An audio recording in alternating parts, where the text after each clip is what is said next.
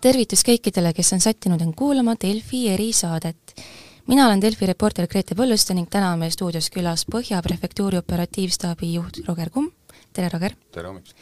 ning julgeolekuanalüütik ja endine Välisluureameti juht Rainer Saks, tere Rainer! tere, tere! üheksanda mai tekitatud ärevus hakkas sugenema meie ühiskondlikku fooni sisse juba üle kuu-pooleteise tagasi, et Ukrainas peetav sõda andis sellele tähtpäevale ju sootuks uut laadi valguse. ja täna me nüüd räägime siin kümnendal mail sellest, et kuidas mõjutas tänavune üheksas mai meie julgeolekut, siis seda nii siseriiklikul kui ka rahvusvahelisel tasandil. ja alustaks siis siseriiklikust, et Roger, et milline olid need politsei ootused üheksandale maile ja kas reaalsus vastas eeldatule? eks me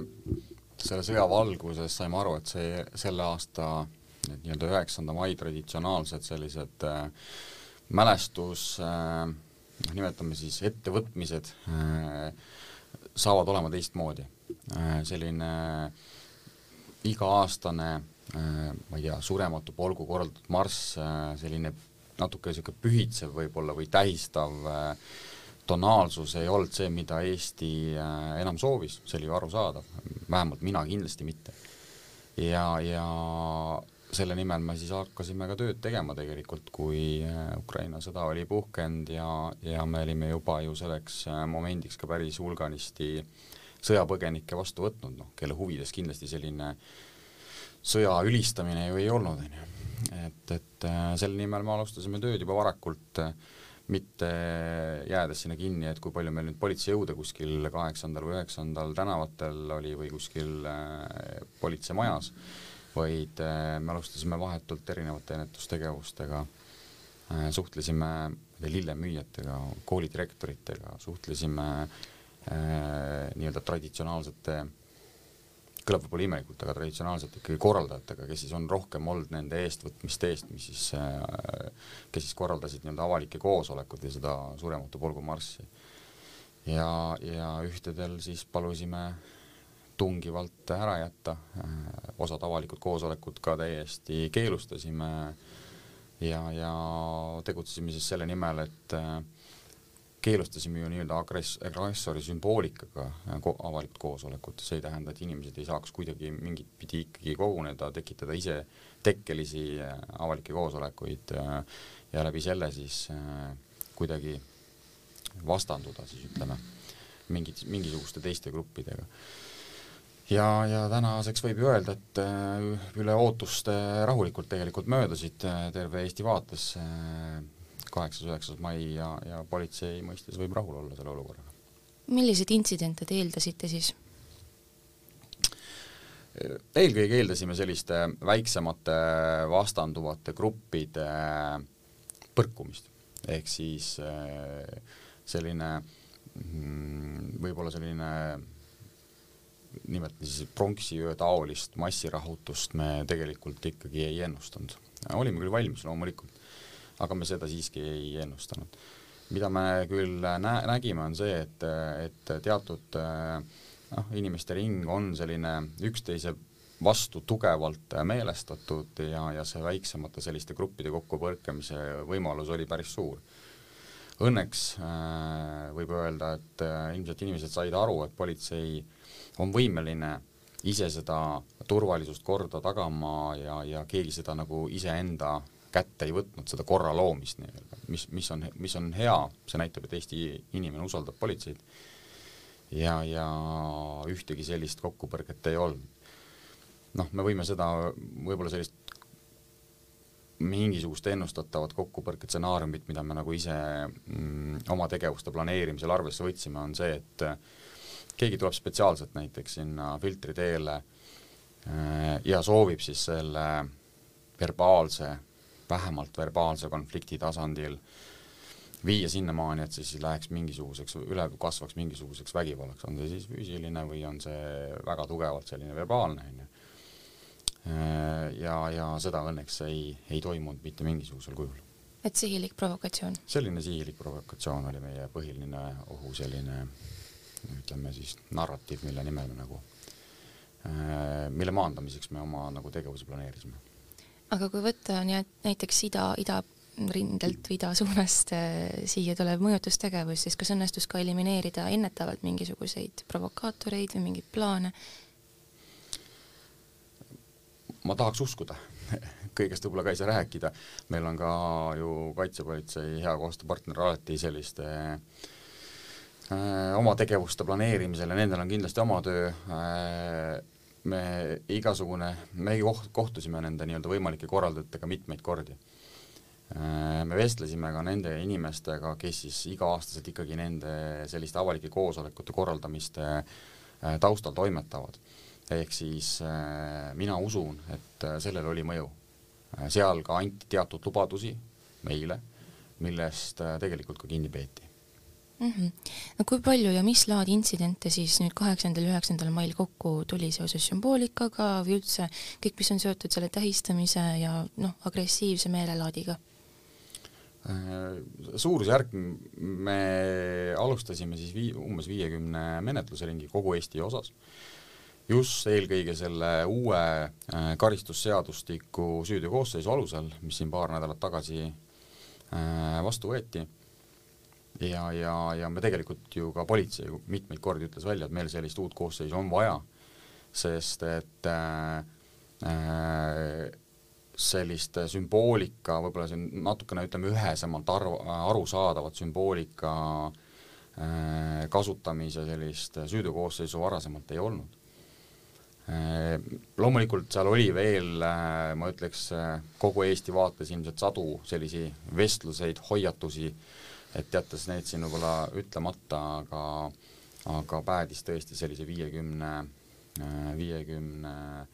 süüteomenetlusega, kus siis inimene äh, või see osapool ei olnud siis äh, väga aldis siis sellest äh,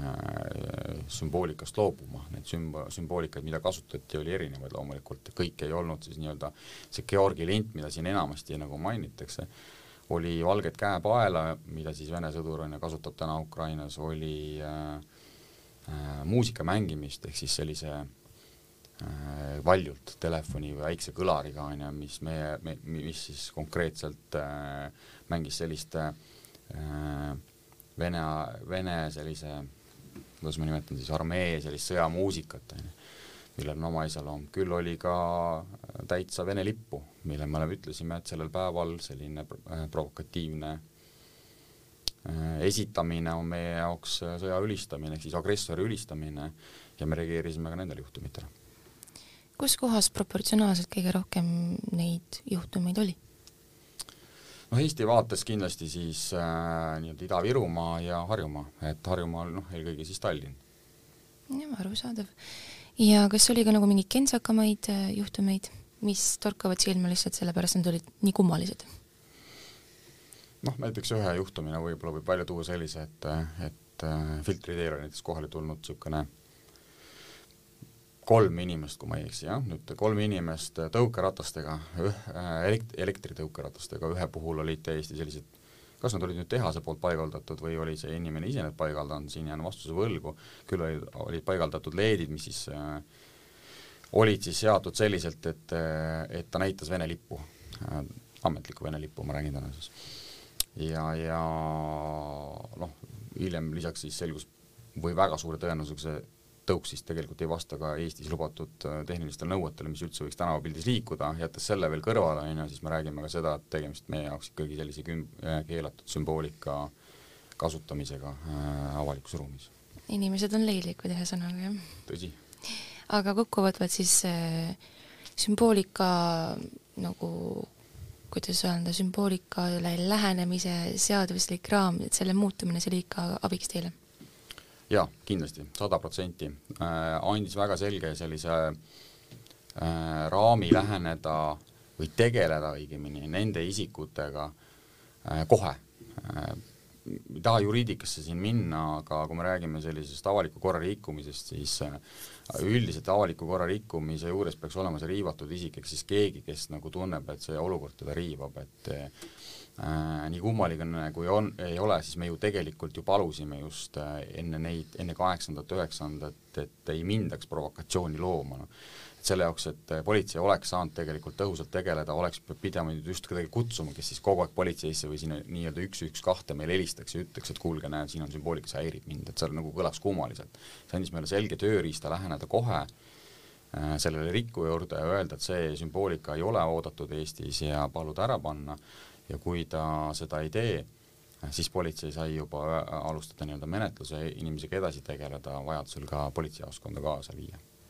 ja just nimelt need inimesed, kes siis ise andsid teada, et kas neid oli ka täna palju, noh, eile, üleeile siis? Äh, te mõtlete mida? Äh, just nimelt sellest sümboolikast, et kui oleks nagu see vana seadusandlus, siis äh, oleks ju pidanud selle, sellest lähtuma, et kui paljud inimesed ise teada andsid tänavapildis ikka anti, me ei, pea, ei saagi ainult rääkida, et me nüüd äh, reageerisime sündmustele, mis olid äh, näiteks Tallinna mõistes siis Viltri teekanti ehk siis selle mälestusmärgi juures, et meil olid päris mitmed äh, sellised sümboolikajuhtumid, äh, kuhu me reageerisime ka mujal linnas. ehk siis neid oli, neid juhtumeid. täna me küll siis kasutame valdavalt ikkagi seda uut süüteokoosseisu, kuna see on märksa konkreetsem ja, ja on just mõeldud sellise Äh, ütleme siis agressori sümboolika kasutamise, äh, noh, kasutamise puhul sekkumiseks mm. -hmm. no siseriiklikult tasandilt on meil nüüd ülevaade saadud, liigume rahvusvahelisele. Rainer, et äh, suur tähelepanu langes ju võidupuha, võidupüha paraadil Putini kõnele, et terve maailm põhimõtteliselt ootas, et mis sealt nüüd tuleb, kas tuleb mingi niisugune üldmobilisatsioon Venemaal või teatatakse üldse, et on mingisugune uus plaan paigas või et äh, kuulutatakse üldse sõda Ukrainale konkreetselt ähm,. kuidas sina ütleksid, et ähm, mida see Putini kõne ja üldse kogu hetkel toimuv laiemas perspektiivis tähendab? no ma arvan, et see Putini kõne oli niisugune tavaline üheksanda mai puhul peetud kõne, nagu ta seda pidas ja ma olen ka nagu varem rõhutanud, et selliste suurte ootuste panemine sellele kõnele ei ole nagu põhjendatud, et Venemaa ei ole seda Ukraina vastast kampaaniat üles ehitanud üheksanda mai peal. see on hoopis teine, hoopis teine eesmärk, mis ei ole seotud selle ühe kuupäevaga ja see üheksa, see Ukraina sõda andis sellele üheksandale maile sel aastal lihtsalt teistsuguse konteksti. aga Venemaa president kindlasti selle üheksanda mai kõnes ei plaaninud Äh, välja kuulutada mingisugust uut suurt poliitilist või sõjalist avangut, seda ta kindlasti ei kavatsenud teha, ta oleks seda teinud, ta võib seda teha päev enne, päev hiljem, kaks päeva hiljem, vastavalt sellele, kuidas nad seal oma riigis otsustavad. Ja ma rõhutan ka seda, et Venemaa president ei saa oma kõnes selliseid asju välja kuulutada, et see on seadusandlikud aktid, mis peavad läbima teatud äh, valitsusinstitutsioonid ka Venemaal, isegi kui see Putini tahe on nagu äh, suhteliselt vääramatu, siis ta ei saa teha seda vastupidi, et ta kuulutab selle kõnes välja ja siis hakkavad Venemaa födera-, noh, parlamenti erinevad kojad, julgeolekunõukogu hakkavad seda menetlema, tähendab, see ei käi ka niimoodi Venemaal. nii et äh, selles mõttes, kui te vaatate, kuidas on lavastatud selle Ukraina sõja eelsed äh, poliitilised sõnumid ja need on tehtud hoopis teistmoodi. ja kindlasti ei tahtnud äh, Vladimir Putin ka seda üheksandat maid anda sellele mingi teine tähendus, kui tal on praegu nagu Venemaa jaoks siiamaale olnud ja selle on ta ju oma presidentuuri ajal väga suuresti ise disaininud, selle eelneva kahekümne, lisaks aasta, peaaegu kolmekümne aasta jooksul varsti. et selle tõttu see on nagu üks asi, teine asi nüüd nagu selles kõnes nüüd Ukrainast ikkagi päris mööda ka ei mindud ja noh, ma rõhutaksin nagu seda, et, et ta nagu eh, hoop noh, presenteeris hoopis teistsugust poliitilist agendat, kui see oli seal veel veebruari keskpaigas ja ja siin märtsikuu jooksul, kui ta paar korda sel teemal sõna võttis ja rääkis siis nagu hoopis sellest, et, et lääneriigid ehitasid üles mingit Venemaa vastast, vastast rünnakut Ukrainast, andis mõista, et see oli plaanitud sõjaline rünnak ja siis noh, võib-olla eelkõige Krimmi pihta ja mis noh, muidugi on täielik absurd, aga, aga noh, see on siis tema nii-öelda see seletus ja teine asi, ta rääkis äh, vajadusest kaitsta Donbassi ja ta nagu vältis üldse nagu Ukrainaga suhete käsitlemist selles kõnes. nii et äh, selle koha pealt ei tasu teha mingisuguseid väga pikale minevaid ja kaugeleulatuvaid järeldusi, et nüüd nagu see kõne markeerib kuidagi nagu otseselt Ukraina poliitika muutust, aga ta nagu näitab seda, et Venemaa juhtkond on aru saanud, et, et Ukrainaga suhete klaarimine võtab palju rohkem aega, kui nad seda alguses eeldasid. et see nüüd on nagu hoopis teistsugused otsustused, mis Venemaal ees seisavad Äh, sõja kulutamine Ukrainale pole, ma arvan, üldse noh, mingisugune eriline teema, sellepärast et äh, see Venemaale nagu väga palju juurde ei annaks ja see viiks tema suhted rahvusvaheliselt teiste riikidega palju keerulisemaks. aga küll on nagu vaja otsustada seda, et kas, kas hakata siis läbi viima nagu mingit laiemat mobilisatsiooni Venemaal, ma ei pea silmas üldmobilisatsiooni, mida kindlasti ette ei võeta, või siis hakata otsima mingisuguseid ajutisi lahendusi Eh, noh, kas vaherahu suunas või midagi taolist. aga miks siis ometigi niimoodi üle terve ilma tehti sünkroontõlkeid, kanti üle Putini kõnet ja ikka oli siuke ootusärevus sees, et mis sealt tuleb, mis sealt tuleb? No seda tuleb küsida nende käest, kes selle ärevuse üles lükkasid, Venemaa seda ise nagu otseselt kindlasti ei teinud, aga nad võivad selle tulemusega väga rahul olla. et eh, no ma arvan, et Äh, see on nagu jälle üks nagu näide sellest, et äh, tuleb vaadata seda, mis päriselt toimub, mitte nagu mõelda välja mingeid skeeme, mis võiks toimuma hakata ja siis hakata ise nendele kaasa elama. aga noh, las ta olla, aga selles mõttes seda enam ei muuda, et põhimõtteliselt ikkagi see üldine käsitlus Venemaast on totaalselt muutunud ja see on kõige olulisem, et Venemaad nähakse agressorina ja ma loodan, et see nagu ei lõppe nüüd nagu selle sõjategevuse lõppedes kohe ja mida te eeldate, et see Venemaa-Ukraina suhete klaarimine tulevikus endast kujutada võib? no esiteks Venemaa juhtkond ei ole kindlasti oma eesmärke muutnud ja nende, nende päris eesmärk on ikkagi selle Ukraina üle poliitilise kontrolli saavutamine. See ei tähenda seda, et nad tahavad saada sõjalist kontrolli kogu Ukraina territooriumi üle, aga noh, tundub, et see päris reaalsus ei ole neile veel ikkagi kohale jõudnud, et Ukraina peab nagu rahvana sõda nende vastu, mitte et see ei ole mingisugune NATO-Venemaa vaheline vastasseis. ja selle tõttu noh, Venemaa tõenäoliselt äh, peab otsustama seda, et kas ta tahab seda sõjalist aktsiooni jätkata või tahab ta nüüd otsida mingisuguse hübriidsema lahenduse selleks, et neid eesmärke saavutada. mina ei usu, et äh, Venemaa juhtkond praegusel kujul loobub äh, Ukraina suunalistest agressiivsetest kavatsustest selles mõttes, et nad äh, loobuksid kontrolli taotlemisest Ukraina üle, seda nad kindlasti ei tee. võimalik on lihtsalt tunnistada oma sõjalist saamatust ja, ja suutmatust seda praeguse kampaaniaga lahendada neile sobival moel ja siis hakata otsima siis mingeid teistsuguseid äh, Äh, lähenemisi. aga see kõik on ka väga palju Ukraina kätes ja, ja lääneriikide kätes, et kas lastakse sellel poliitikal jätkuda või mitte. ja kuidas Vene eliidi ütlemisi, tegemisi nüüd äh, üheksanda mai ümber Eesti julgeoleku kontekstis tõlgendada saab või noh, lahti mõtestada ja mida me saaksime lähitulevikust oodata? no ma arvan, et Eesti, Eesti valitsusinstitutsioonid nagu politsei, kaitsepolitsei, kõik olid väga tublid selle üheksanda mai äh, noh, nii-öelda kuidas siis selle, see õige sõna on, ega siin mingit tegelikult mingisugust väga suurt eksistentsiaalset ohtu ei olnud, vaid, vaid Eesti politsei ja, ja julgeolekujõud, struktuurid näitasid, et nad kontrollivad olukorda ja, ja on võimalik väga aegsasti, õigeaegselt hakates selleks nii-öelda valmistuma, siis elimineerida nagu niisugused potentsiaalsed ohud. et see tuli seekord väga hästi välja, selleks nagu Ukraina sõda andis ka selles mõttes sobivama fooni, no sõda poleks muidugi üldse vaja olnud, aga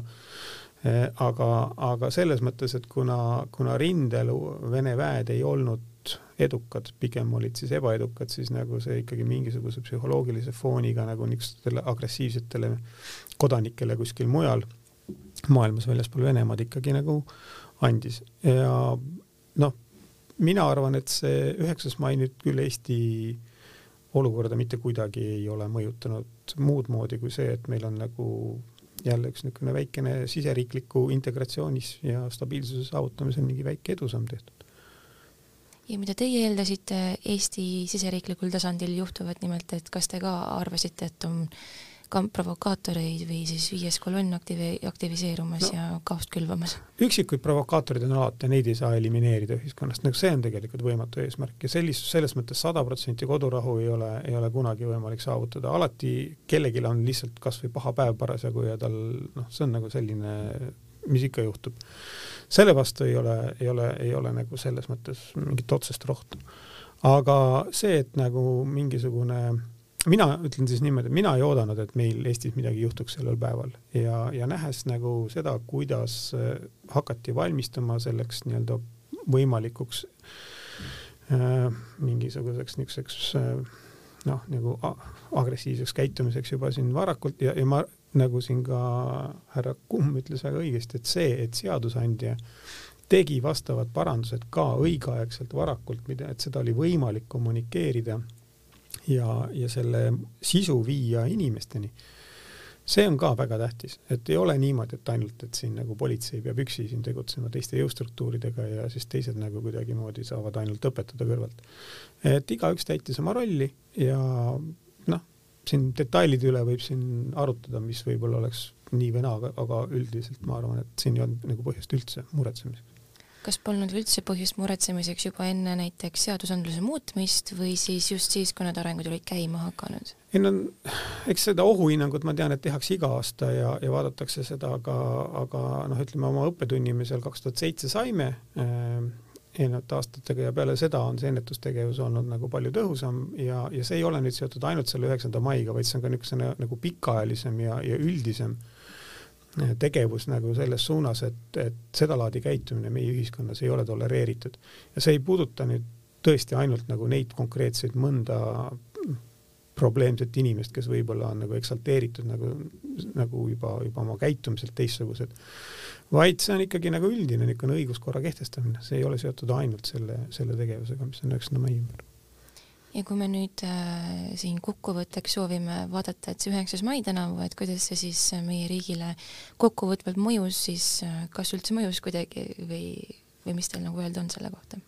mina ütleks, et see mõju on alati mingisugune, mina näeks seekord, et noh, läks nagu äh, sellisel kujul, et me võime olla mitte noh, rahul otseselt, aga me ei pea olema nagu mures Eesti julgeoleku pärast või millegi,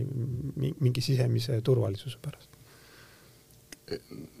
tõsi, mina ka, ma nagu tegelikkuses ma loodan muidugi, et sellel on selles mõttes mõju ka järgnevateks aastateks äh, positiivne, ehk siis et selline väga minu meelest palju selgem vaade sellisest äh, agressori ja sõjasümboolika nagu kasutamisest Eesti avalikus ruumis on nagu paika pandud tõsi, see üheksas mai ilmselt kiire, kiirendas kogu seda protsessi riigi äh, vaates, õiguslikus ruumis samamoodi, aga ega see nüüd ei ole, et üheksas mai on nüüd möödas, täna on kümnes, paneme selle uue süüteokoosseisu kuskile kalevi alla, ärme nüüd räägi siis agressori sümboolika edasisest kasutama, kasutamisest. Äh,. ikka, selles mõttes, kui ta tuleb täna pilti, reageerime, kui ta tuleb homme pilti, reageerime, ehk siis me ühiskonnana äh, tervikuna, see ei ole politsei asi, ma ütlen ausalt, selles mõttes ma ka tunnetan, et see on äh, ühiskonnas äh, tugevat mõju avaldanud, et näiteks äh, äh, minu patrullid eile tänavapildis väga paljud ütlesid, et äh, imestavad, et linnapildist on ära kadunud rippuvad lipukesed, lindikesed autodes. tõsi, neid oli mõned üksikud, kus me siis reageerisime, suhtlesime omanikega, palusime täitsa õue tulla ära kõrvaldada või siis juhtus ka tegelikult äh, nii eile kui üleeile äh, mõlemal päeval äh, sellised äh, natukene äh, teistmoodi mõtlevad autoomanikud ja me pidime need autod parklasse ära paigaldama, onju. et, et oli selliseid, aga neid on vähe. Ne-, võrreldes siis eelmiste aastatega, neid on vähe. ehk siis ma usun, et ühiskond ongi hetkel, Eesti ühiskond on muutumas, muutumas ja muutumas selles suunas, et me see selline, kuidas ma ütlen selline